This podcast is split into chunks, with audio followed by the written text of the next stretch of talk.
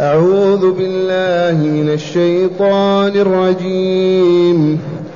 قال رب انصرني بما كذبون.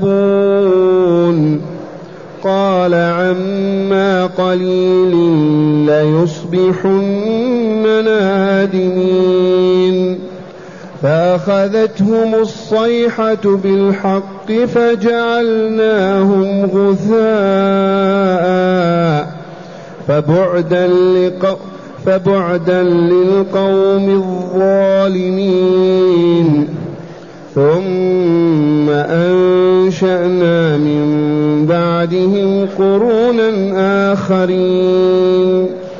ما تسبق من أمة أجلها وما يستأخرون. ثم أرسلنا رسلنا تترى كلما جاء أمة رسولها كذبوه فأتبعنا بعضهم بعضا وجعلناهم أحاديث فبعدا لقوم لا يؤمنون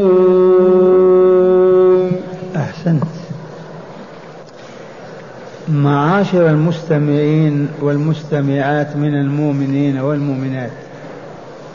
لهذه الآيات ارتباط بما سبقها. لأن القائل رب انصرني بما كذبوني. اسمعوا الآيات التي سبقت. يقول تعالى ثم أنشنا من بعدهم قرنا آخرين.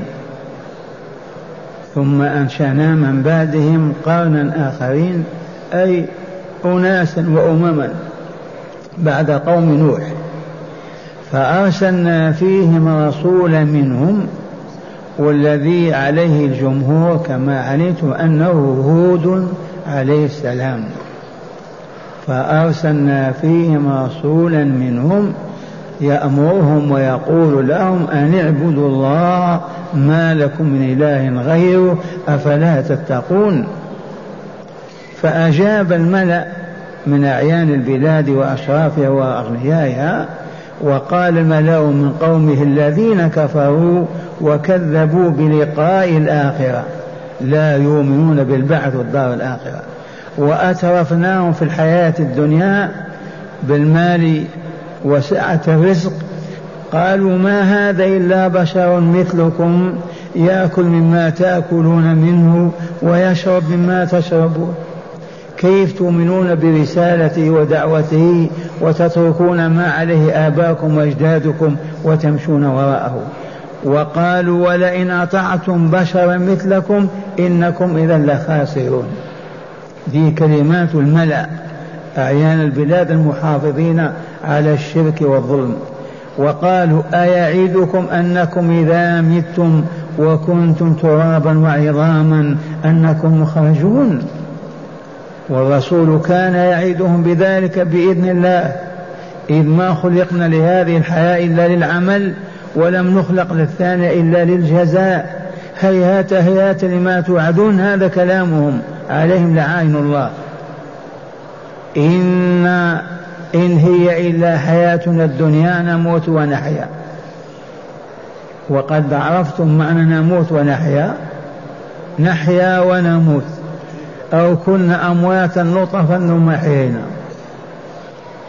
إن هو إلا رجل. هذا الرسول الذي هو هود عليه السلام. إن هو إلا رجل افترى على الله كذبا وما نحن له بمؤمنين. هذا كلام القوم. وفيه الدعوة إلى الإيمان بيوم القيامة والبعث الآخر وإلا لا لأن القوم كانوا منكرين للدار الآخرة. لا يؤمنون بالبعث والجزاء من أجل أن يستمروا على الشر والباطل والخبث والفساد في هذه الحياة. لو آمنوا بالجزاء في الدار الآخرة والله ما يستمرون على الكفر والشرك والظلم والفساد. هنا قال ربي يا ربي من القائل؟ ابن جرير الطبري يقول إنه صالح عليه السلام. الجمهور من أهل التفسير يقولون إنه هود والراجح أنه هود عليه السلام. لماذا؟ لأن الله لما ذكر قصص الأنبياء في سورة العرف بدأ بنوح وثنى بهود ثم بصالح. لما ذكر قصص القرآن في سورة هود عليه السلام بدأ بنوح ثم بهود ثم بصالح إلى غير ذلك. وهو الواقع هو هذا. نوح أولا بعدما أهلك الله قومه وجاءت أجيال وأنشأ قوما آخرين وجد فيهم عاد في الجنوب. وابن جرير يرى أنه صالح لقول الله تعالى فأخذتهم الصيحة. ولكن الجمهور يقولون الصيحة مع مع الرياح. أخذهم الصيحة والرياح تغمرهم. فلا مانع أبدا. ثم قوم صالح فأصبحوا في ديارهم جاثمين على الركب. تمتعوا في ذلك ثلاثة أيام فأصبحوا في ديام جاثمين. أما هؤلاء تشتتوا وتمزقوا وأصبحوا كالنخيل الميتة هنا وهناك. إذا وإليكم ما قلته في الهامش أو في نهر الخير. درج الجمهور من المفسرين على أن القصص المذكور هناك ما هو في سائر الصور هو قصص هود عليه السلام. وذهب ابن جرير وبعض بعض آخر إلى أنه قصة صالح لقرينة فأخذتهم الصيحة. وقال الجمهور يمكن أن تكون الصيحة ضمن عواصف الريح العقيم التي أرسلها تعالى على قوم هود فأخذتهم فهلكوا بها والرياح عصفت بهم فمزقت وشتتت شملهم. وهذا هو كما علمتم. إذا فقول قوله تعالى قال رب من هو القائل؟ هود عليه السلام. يا ربي وقد علمت لماذا ما يقول يا ربي؟ ربي فقط. لأن النداء للبعيد. يا إبراهيم. أما إذا كان بين يديك تقول يا إبراهيم بين يديك عثمان تقول يا عثمان. ولكن النداء بحرف نداء للبعيد. والله عز وجل أقرب إلينا من حبل الوريد. فكيف نقول يا رب؟ ومن قال يا رب له ذلك. ولكن السؤال لما ما قال يا ربي لقربه منه؟ قال ربي انصرني بما كذبوني. بسبب تكذيبهم انصرني عليهم. اهلكم ودمرهم وأبقني وأنا والمؤمنين الصالحين فأجابه الرب تبارك وتعالى بقوله عما قليل. فترة من الزمن ما هي بعيدة. لا نادمين. ونعم أصبحوا نادمين. إذ أرسل عليهم رياحا عاصفة سبع ليال وثمانية أيام. واقرأوا الحاقة ما الحاقة وما أدراك ما الحاقة. كذبت ثمود وعاد بالقارعة فأما ثمود فأهلكوا بالطاغية. وأما عاد فأهلكوا بريح صرصر عاتية سخر عليهم سبع ليال وثمانية أيام حسوما فترى القوم فيها صرعى كأنهم أعجاز نخل خاوية. فهل ترى لهم من باقية؟ اللهم لا. قال تعالى فأخذتهم الصيحة. فأهلكهم الله فأخذتهم الصيحة بالحق. فجعلتهم فجعلناهم غثاء والغثاء لما يسيل السيل يجمع الحطب والعيدان والأخشاب والنبات اليابس مجموعة ذلكم هو الغثاء أصبحوا كذلك كغثاء السيل. مع أنهم جبابرة طغاة طول الرجل منهم ستون ذراعا كما كان آدم عليه السلام. إذا فأخذتهم الصيحة قلنا كما قال أهل العلم المراد من الصيحة صيحة مع العواصف. أخذتهم بالحق لأنهم مستحقون لتلك الصيحة ليهلكهم الله ويدمرهم لعنادهم وكفرهم وتكذيبهم لرسول الله ومحاربتهم لدين الله. قال تعالى فجعلناهم غثاء. غثاء كغثاء السيل. غثاء فبعدا للقوم الظالمين. دعاء عليهم بعدا للقوم الظالمين. ونحن نقول دائما بعدا للقوم الظالمين. اللهم أبعدهم عنا. ومن هم الظالمون؟ اولا القاعدة التي عرفناها في اللغة. الظلم وضع الشيء في غير موضعه. والبشرية خلقت من أجل ماذا؟ أسألكم بالله. لأجل عبادة الله. لو سألت الله يا ربي لما خلقتني؟ الجواب ما هو؟ لتعبدني خلقتك لعبادتي.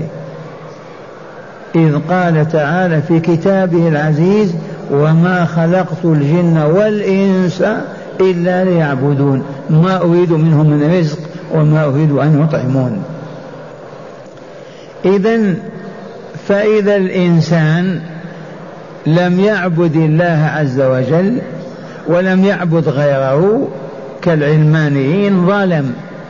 ظلم ربه. الله خلقه ورزقه وحفظه وأوجاد الحياة كله من أجله ولم يعبده. ظلم وإلا لا أفظع ظلم هذا. ثانيا إذا كان يعبد معه غيره الأصنام واللات والعزى وعيسى وأمه ومن يعبدون من دون الله وضعوا العبادة في غير موضعها. العبادة وضعها الحقيقي تكون لله الخالق المدبر الحكيم.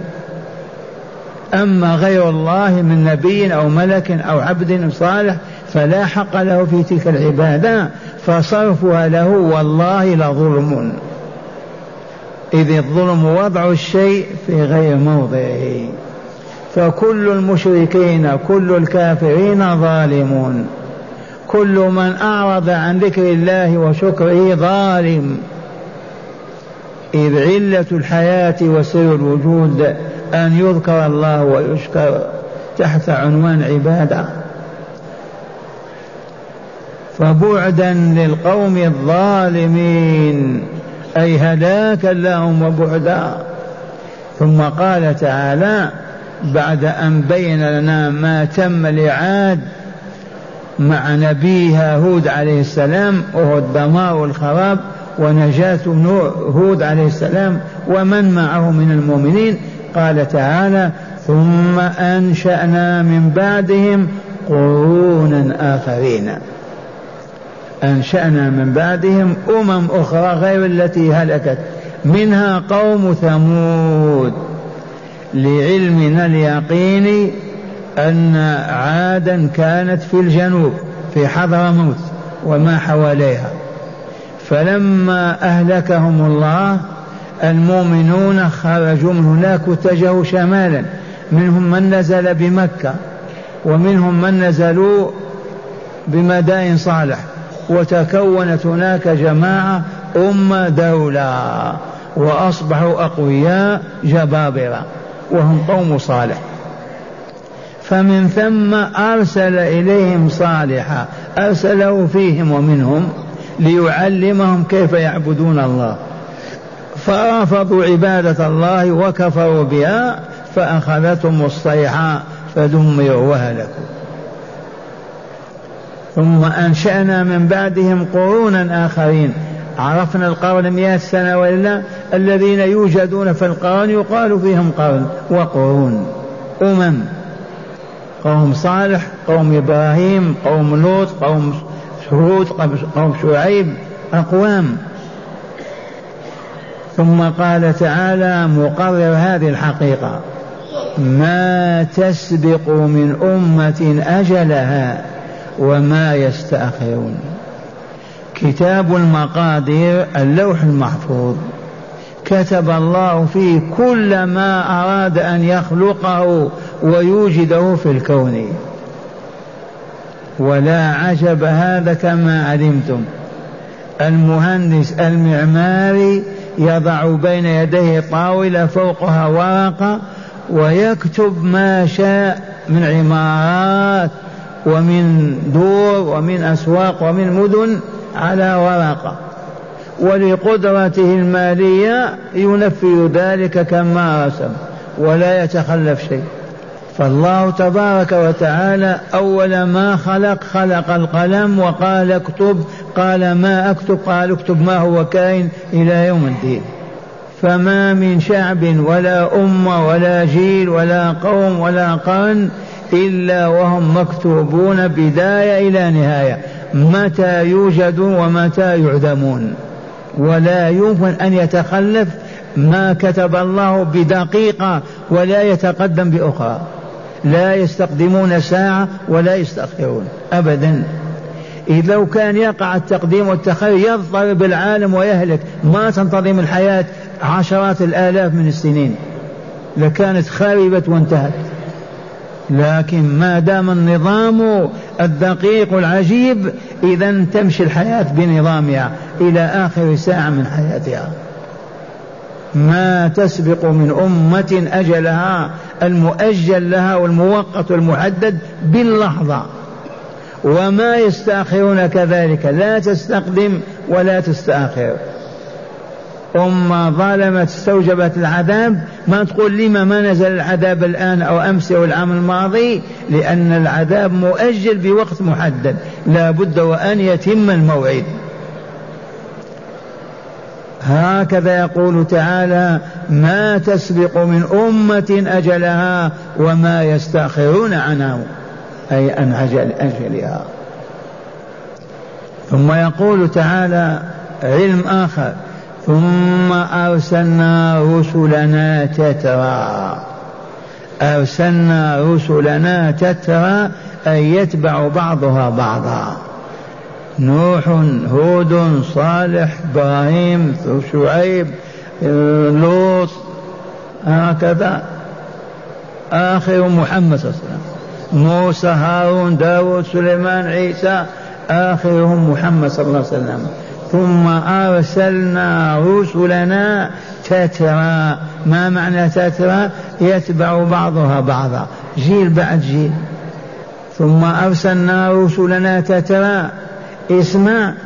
كلما جاء أمة رسولها كذبوه كلما جاء أمة من الأمم رسولها كذبوه ولا عجب. ما كذب الناس محمدا حتى تشك في السابقين. كلما جاء أمة رسولها كذبوه فالآن من الصين اليابان الأمريكان كلهم أغلبهم يعلم أن محمد رسول الله وأنه رسول الله وأن الإسلام دين الحق ولكن لا يستجيبون. حفاظا على دنياهم وباطلهم وشرهم كالأولين. قل من لم يعرف. نادر. وخاصة في هذه السنين التي انتشر العلم في العالم.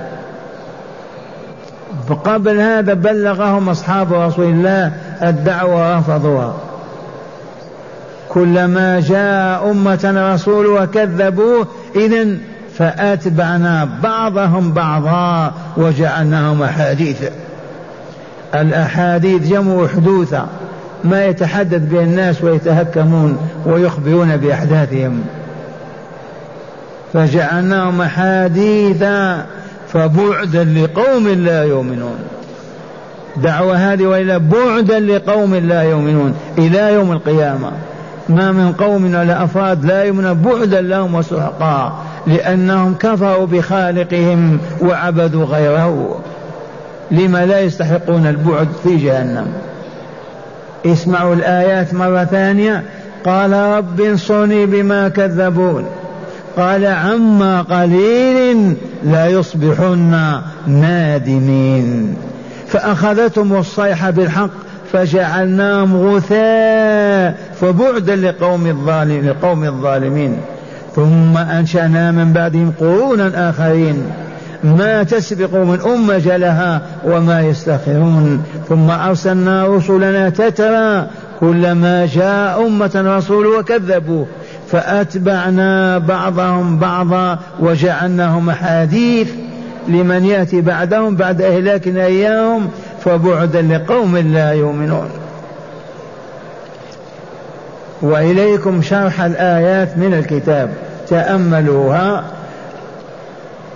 قال معنى الآيات هذا ما قاله هود عليه السلام بعد الذي ذكر تعالى من أقوال قومه الكافرين. ماذا قال نوح؟ هود قال ربي أي يا ربي أنصرني بما كذبوني.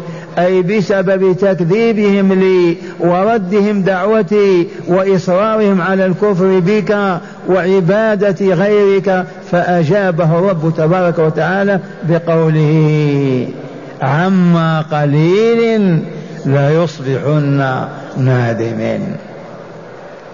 أجابه وإلا لا عما قليل من الزمن ليصبحن وربنا والله لنادمين. أي بعد قليل من الوقت وعزتنا وجلالنا ليصبحن نادمين أي لا يصيرون نادمين على كفرهم بي وإشراكهم في في عبادتي وتكذيبهم إياك. ولم يمض إلا قليل زمن. ولم يمض إلا قليل من الزمن.